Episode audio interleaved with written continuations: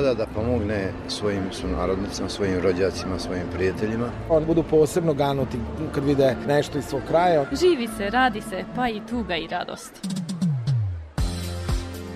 O iskustvima i postignućima naših državljana na privremenom radu u inostranstvu.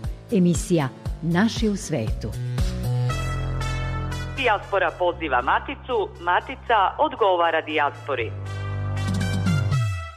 Granice ne postoje u mislima brižnih. Emisija Naši u svetu. Dobroveče, poštovani slušalci. Srpska pravoslavna crkva i vernici koji poštuju julijanski kalendar obeležavaju Veliki petak, dan koji simbolizuje stradanje Isusa Hrista i njegovo raspeće na krstu na Golgoti. Veliki petak je dan žalosti, ali i uvod i priprema za najveći i najradosniji praznik Uskrs. Mnogi koji žive van granica naše zemlje došli su da sa svojom porodicom i najmilima proslave uskršnje praznike. Ako ste sprečeni da budete sa svojim najdražima, tu je emisija Naši u svetu sa pričama koje nas povezuju. Za tonskim pultom je Boris Đuranin, muzički urednik Verica Poljaković i ja sam Tatjana Miražić. Večerašnju emisiju započinjemo vestima iz dijaspore i matice. Prva evropska smotra dečeg folklora dijaspore na kojoj je učestvovalo 1200 dece održana je u Vrnjačkoj banji uz podršku Uprave za saradnju s dijasporom i Srbima u regionu. Manifestaciju je organizovala Asocijacija srpskog folklora dijaspore, a na, na otvaranju je govorio Arno Gujon, direktor Uprave za saradnju s dijasporom i Srbima u regionu. Gujon je rekao da je folklor igra s dušom koja čuva srpski identitet i da uprava finansijski pomaže folklornim udruženjima u čitavoj Evropi.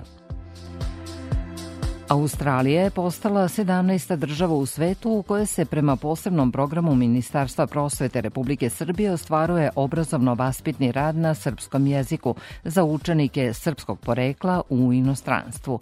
Za sada je za učenje na srpskom jeziku prijavljeno 45 učenika za tri grupe, a broj prijava raste.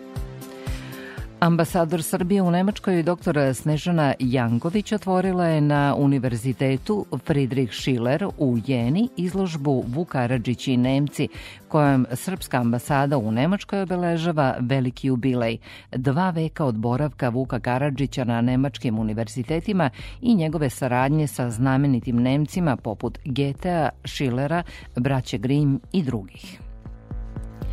Ministar bez portfelja zadužen za dijasporu Đorđe Milićević najavio je da će u junu u Beogradu biti organizovan skup svih udruženja u dijaspori. Paneli će biti posvećeni dugoročnoj strategiji kao osnovu za buduće delovanje Srbije i dijaspore, ali i za izradu novog zakona o dijaspori i Srbima u regionu. Granice ne postoje u mislima brižnih. Emisija Naši u svetu. Predstavljamo vam profesoricu doktorku Ivanu Knežević, naučnicu u Svetskoj zdravstvenoj organizaciji u Ženevi i počasnog profesora Medicinskog fakulteta u Lozani u oblasti vakcinologije. Ona je naučnik sa dušom poete. Njenu četvrtu knjigu poezije, Osvit duše, posvetila je svom gradu u Novom Sadu u slavu poetskog procvata Evropske prestonice kulture. Dobroveče, Ivana. Dobroveče. Uvod u našu priču počeću vašom pesmom iz knjige Osvit duše, rekom fantazije od Alpa do Panonije. Čežnja od paučine, granice briše, bol umine, detinstvo zamiriše, u nedrima duge zablista oka sjaj, zvezdanim stopama duša hodi u zavičaj. Živite i radite u Ženevi. Kako izgleda vaš radni dan i kako pronalazite slobodno vreme za pisanje? To je odlično pitanje. Pre svega hvala što ste me pozvali i zaista mi je zadovoljstvo da podelim misli i osjećanja na temu poezije sa vama i slušalcima. Najkraći odgovor je da je pre svega zanimljiv. Kad radite posao koji volite i koji vas ispunjava, tu ne postoji radno vreme. To je stvar inspiracije, zanosa, pogotovo u oblasti javnog zdravlja gde sam se ja kao lekar, naučnik i, i neko ko je u kontaktu sa kolegama u čitavom svetu pronašla putovanja po tim zemljama i pomoć koju pružamo kroz naučno-istraživački i javno-zdravstveni rad ne ostavlja mnogo slobodnog vremena. Kao što svi znamo, poezija niče kao cveće na livadi i jednostavno ne čeka trenutak slobodnog vremena ona dolazi sama, sasvim spontano, u najneočekivanijim situacijama, nekad u avionu, u autobusu, u gužvi, u čekaonici kod lekara ili zubara. Poezija nalazi svoj put, onda jednostavno zastanete zapanjeni lepotom i mislite hajde da što pre zapišem da mi ne bi misao pobegla. I zato se stihovi često nalaze po raznim papirićima, sveščicama, zapisima koji nalaze svoj put do knjige. Najveću zaslugu što, što su moje knjige objavljene ima moj suprug koji mi u stvaranju tog vremena za poeziju i za knjige zaista mnogo pomaže i osim što je moja inspiracija velika, on mi je i najveći saradnik i saputnik na tom putu. Detinstvo ste proveli u Čurugu, tu su vaši koreni, tu ste rođeni. Ko je uticao i probudio pesnikinju u vama? to je divno pitanje. Pesnik je u nama bude osjećanja i ljubav u svim svojim pojavama i, i haljinama, bojama kreće od porodice. Znači prvu ljubav koju dobijamo od roditelja, od baba, deda, okoline, porodice, kasnije od prijatelja su najsnažniji motivi u, u mojoj poeziji. I želela bih ovom prilikom da pomenem moju majkastanu, to je očeva mati koja je živela sa nama u porodici gde su bili roditelji, sestra i ja i naša baka koju smo svi zvali majka Stana. Ona je jednostavno prepoznala taj dar, tu nežnost ili kako bi a, ljudi nazvali senzibilnost za poeziju, ne sluteći da će prava pesnikinja da poraste, ona je bila ta koja je svojim pričama podstakla pisca u meni kad sam imala 10 godina, ja sam želela da napišem knjigu o njenom životu, smatrajući da je to toliko nešto zanimljivo sa svim tim što je ona preživela kao žena i sa svim što je naš narod preživeo kroz ratove, kroz e, teškoće raznorazne, kroz e, istoriju gde je poezija cvetala, baš zato što smo kao narod bili izloženi velikim teškoćama. I tako da sam ja, misleći da ću napisati knjigu o njenom životu, kasnije počela da pišem i, i poeziju i prozu, ali ona je bila ta koja je umela da priča i da pričom podstakne doživljaj u meni, ali je s druge strane bila savršen slušalac koji je umeo da se divi kad prepozna neki lep stih ili nešto što je nju dirnulo u mojim pismenim sastavima. To je tako počelo ja u školi osnovnoj. Kada pominjete osnovnu školu, u Novom Sadu ste i završili osnovnu i srednju školu. Novom Sadu se uvek obradujete kada dođete. Posvetili ste i jednu pesmu, večera sam srela svoj grad. Grad u kojem provedete detinstvo i mladost je jednostavno mesto u kojem se podmladite, bez obzira sa koliko godina ili nekog belosvetskog tereta dođete u taj grad. Tu se uvek nasmejete jer jednostavno vidite sebe u nekim godinama koje su davno prohujale. Najlepše što mogu da kažem jeste u stvari stih iz te pesme kad se ja obraćam gradu i kažem večera sam srela svoj grad i ponovo se u njega zaljubih. Najlepše nasmejan i večito mlad, opet zbog njega pamet izgubih. Zagrli me nežno moj novi i privuče na grudi sad. Pa gde si do sada, devojko moja? Šapatom me pita ko nekad.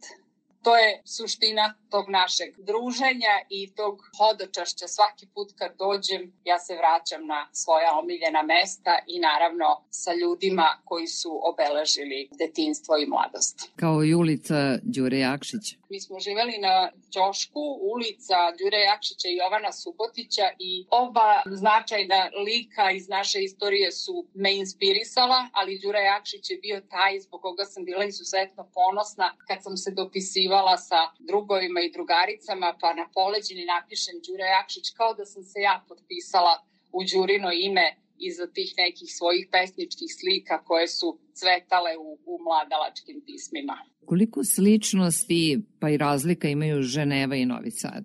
To je zanimljivo pitanje zato što je to u stvari bio prvi utisak kad me porodica pitala posle povratka iz Ženeve gde sam prvi put došla profesionalno i bila potpuno zauzeta temom o vakcinama protiv gripa pre mnogo godina. Pitali su me kako izgleda Ženeva, a moj odgovor je bio vrlo, vrlo liči na Novi Sad.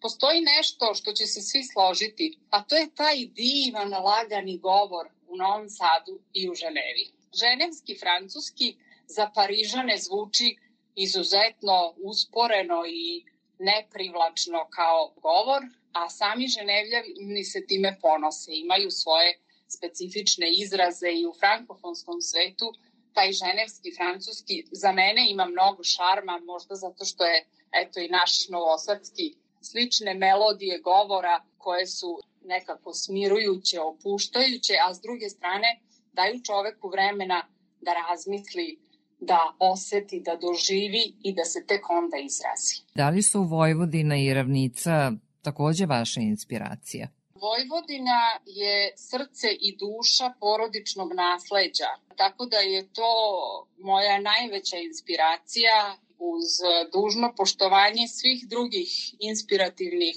slika u svetu koje sam videla, ravnica ostaje ta koja je majka i koren svih mojih zbivanja. Iako već više od dve decenije živite i radite u Ženevi, u vašoj porodici se neguje srpski jezik. Koliko je to vama i vašoj porodici važno da se srpski jezik, vaši koreni ne zaboravi? Koliko u tome uopšte uspevate? To je zaista težak zadatak. Svi koji žive u inostranstvu, da kažem Srbiju u rasejanju, susreću se sa velikim iskušenjima, pogotovo u današnje vreme kad se izuzetno brzo živi, kad ljudi nemaju vremena za ono što je nekad bilo predanje s kolena na koleno, kad su porodice svedene zaista na najuži krug i mnoge generacije nemaju tu sreću kao što smo mi imali da rastemo uz babe i dede i da dobijamo te iskonske priče i naravno kroz te priče je dolazila uvek i ljubav koja je obeležila naše postojanje, naše odrastanje i naučila nas da smo i mi isto toliko odgovorni da prenesemo tu ljubav svojoj deci. Tako da je na putu od naših predaka ka potomcima velika, da kažem, odgovornost da se to na, na najbolji način iskaže. Nema lepšeg izraza i iskrenijeg nego što je onaj na maternjem jeziku. Sve ono što smo suprugi i ja doživeli, evo ovde sad već biće uskoro 23 godine u Ženevi sa, sa našim sinom koji govori pet jezika osjeća se možda najkonfornije na francuskom, ali izuzetno dobro govori srpski, čak zna i mnogo vojvođanskih izraza i savršeno barata i gramatikom i čitao je velika srpska dela i srpski mu je sasvim, sasvim blizak. Ponekad se zapita kako nešto reći, kako se izraziti, a to je ogromno vreme koje roditelji treba da provedu sa decom da bi se negovao jezik. Velika je opasnost u sredinama gde su deca izložena stranom jeziku, da ne kažem više stranih jezika, da se sačuva pravi maternji jezik.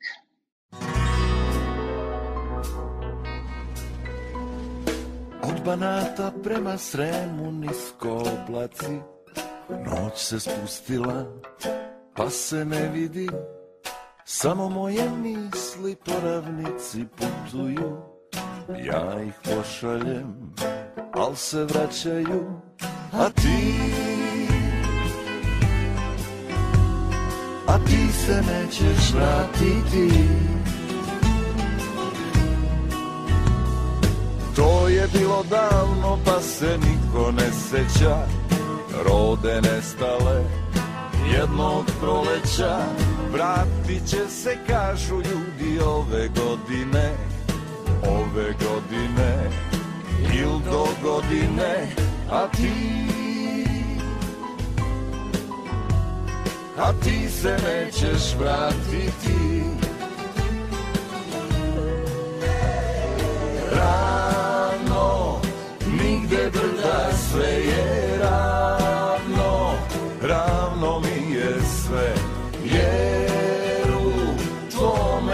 srcu već odavno. Drugi stanuje, ej, kad bi znala ti, Kad bi samo znala ti. Koliko trebaš mi,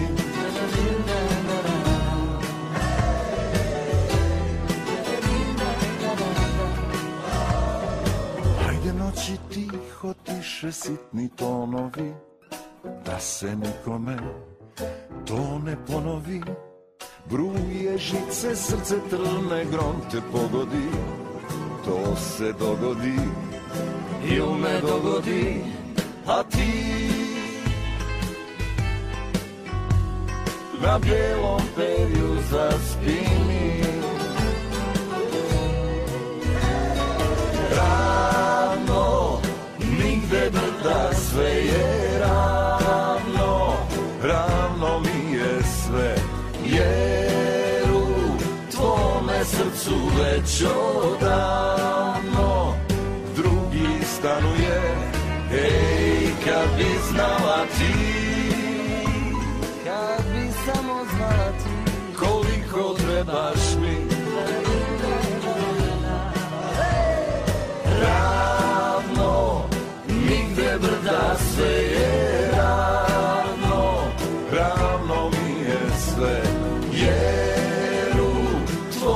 srcu već odavno.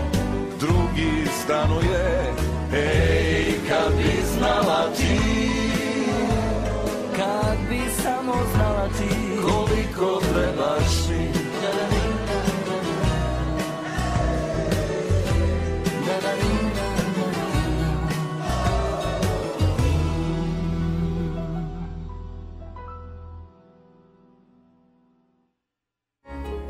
Srcem i dušom mekšamo setu jedni drugima.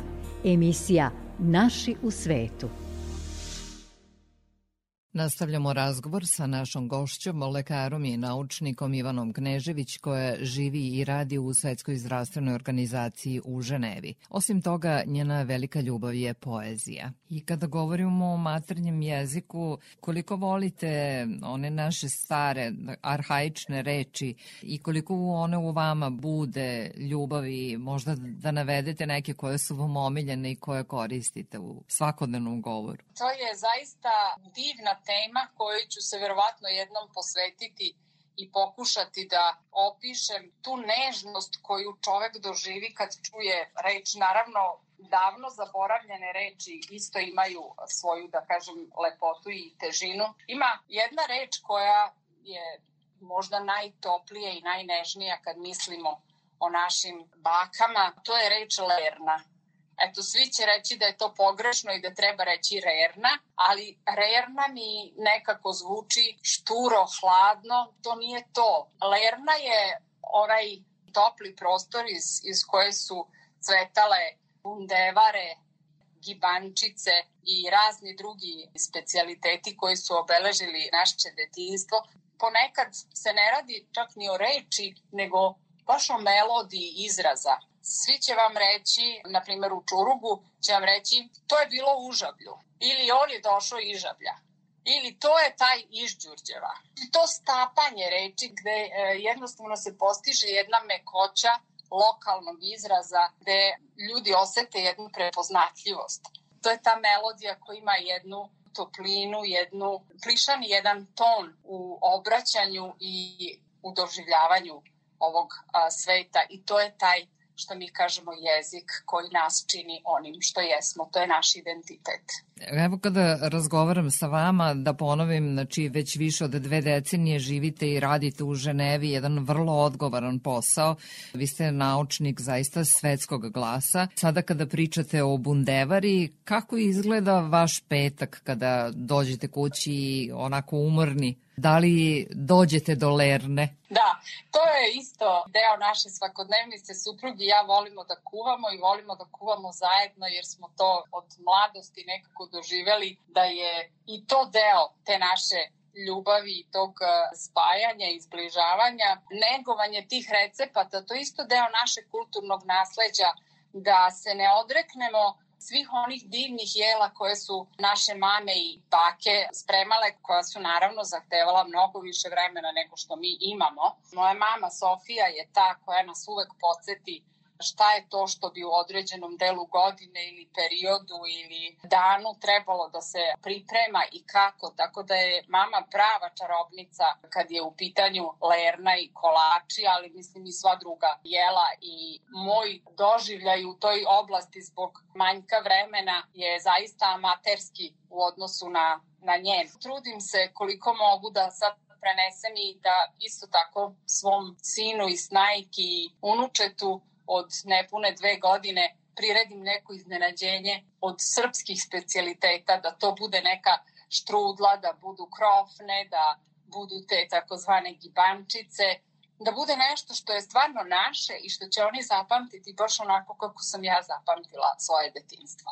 Petak uveče nađete vremena za to i to vas negde i opušta, pretpostavljam petak uveče i ponekad subo, subota ujutro su trenuci kad se treba zaista posvetiti porodici, kad taj e, miris iz lerne okuplja sve nas i podsjeća nas da je ipak ono najvažnije što, što vredi negovati porodica, jer sve ostalo će proći i svi naši uspesi će biti možda negde značajni i trajati neko vreme, ali ono što produžavamo kroz naše potomstvo, to je ono što nas zaista čini ljudima koji su dostojni tog naziva. Koliko se uopšte u Švajcarskoj neguje e, taj kult porodice? Uopšteno gledano neguje se kult porodice, e, samo što je to sad ovim modernim vremenom malo teže izvodljivo i ljudi se zaista trude da sačuvaju i da, što kaže, da stvore neko vreme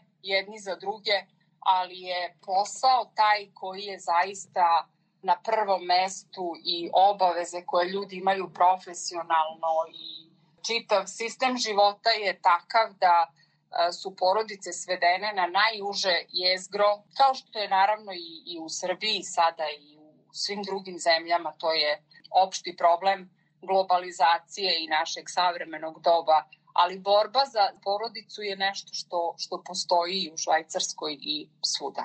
Vaša knjiga, Osvite duše, prevedena je i na francuski jezik. Da li poezija gubi na lepoti i autentičnosti prilikom prevođenja?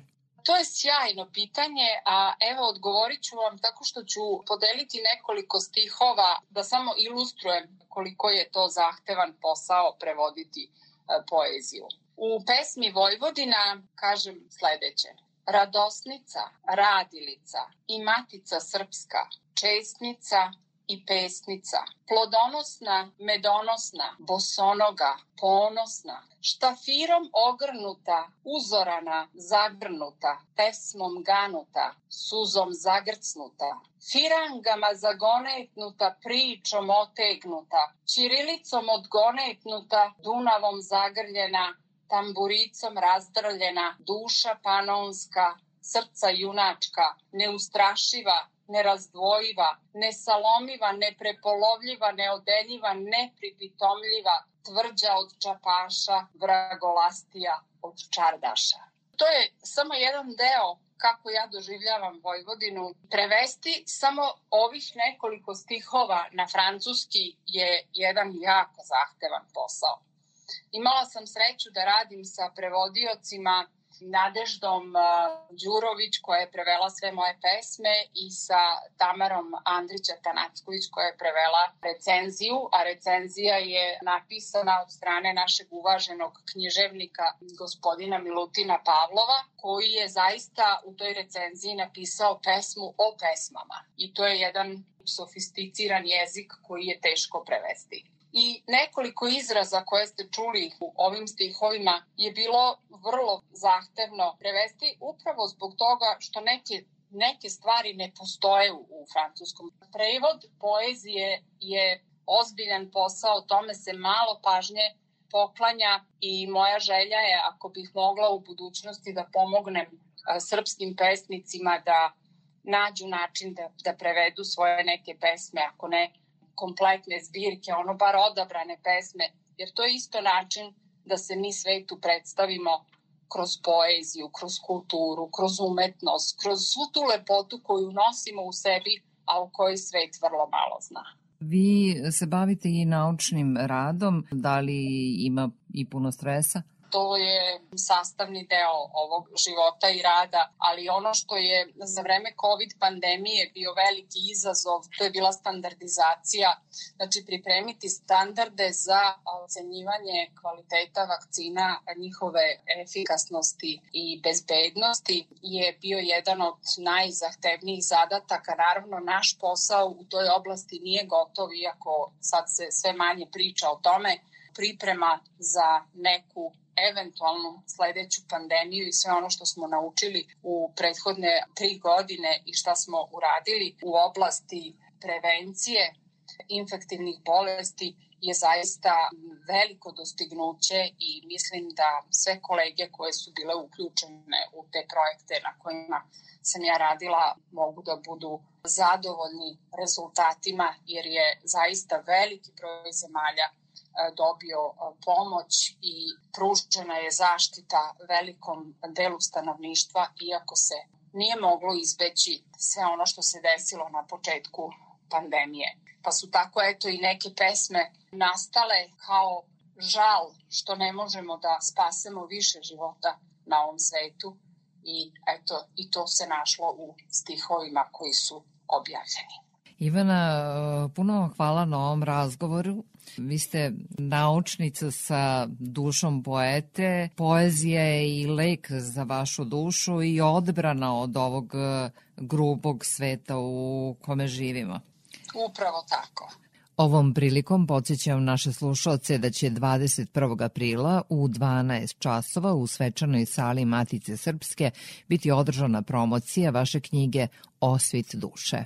Hvala vam na ovoj e, najavi. Ja bih želela da iskoristim priliku da se zahvalim izdavačkoj kutu Tiski cvet i gospodinu Simi Matiću koji mi je omogućio ovu knjigu da objavim kao i prethodne dve knjige na srpskom i ova sada na francuskom isto izlazi i u jednom lepom dizajnu kako Tiski cvet to ume da uradi na jedan vrhunski način. Očekujem da ćemo imati divno vreme u, u Matici Srpskoj, da se družimo i da podelimo najlepše što imamo, a to su eto naši poetski trenuci u kojima jedni drugima pružamo ruku i naglašavamo da, da smo svi u tom zajedničkom naporu da sačuvamo našu kulturu, umetnost, jezik i da u tome uživamo. Hvala vam najlepše na razgovoru i izdvojenom vremenu za Radio Novi Sad.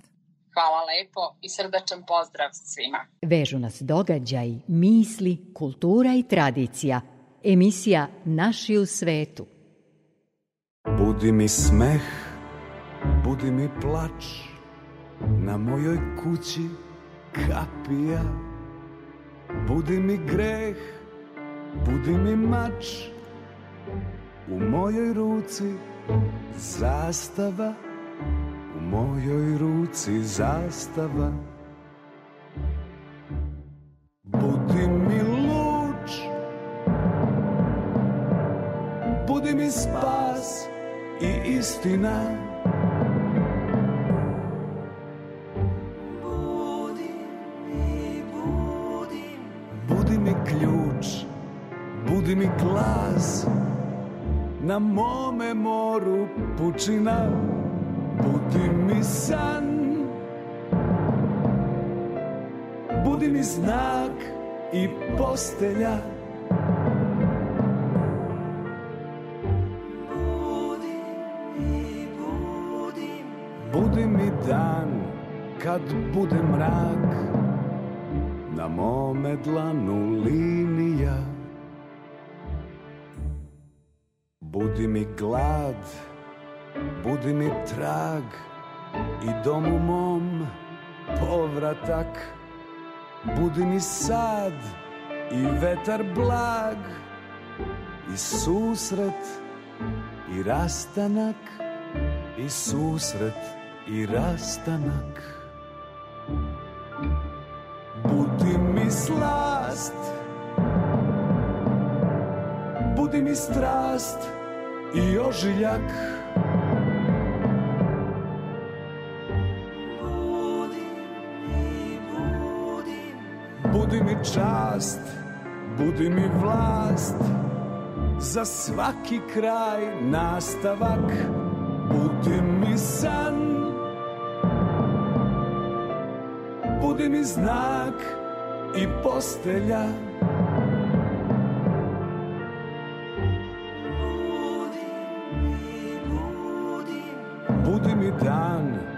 Kad bude mrak Na mome dlanu linija Slušali ste emisiju Naši u svetu u kojoj spajamo maticu i dijasporu. Možete nas slušati odloženo na internet stranici rtv.rs kao i putem Facebook stranice Naši u svetu RTV. Budite sa nama i sledećeg petka u 19.05. Slušat ćete nove priče iz dijaspore i matice, a u susretu uskrsu završavamo ovu emisiju porukom. Patrijarha Pavla, ljubav je najviša vrlina, sve što čovek deli sa drugima smanjuje se osim ljubavi. Što je više dajete, više imate.